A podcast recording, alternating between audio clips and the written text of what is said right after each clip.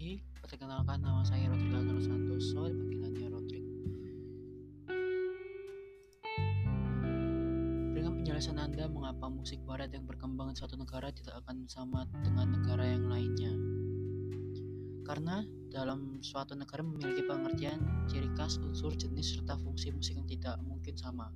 Contohnya pada jenis musik barat, sangat berbeda dengan musik dari negara lain yaitu beberapa jenis musik barat. Satu blues, dua country, tiga metal, empat emo, lima hip hop, enam jazz, tujuh musik klasik, 8 R&B, 9 pop, 10 rock, 11 reggae, 12 swing.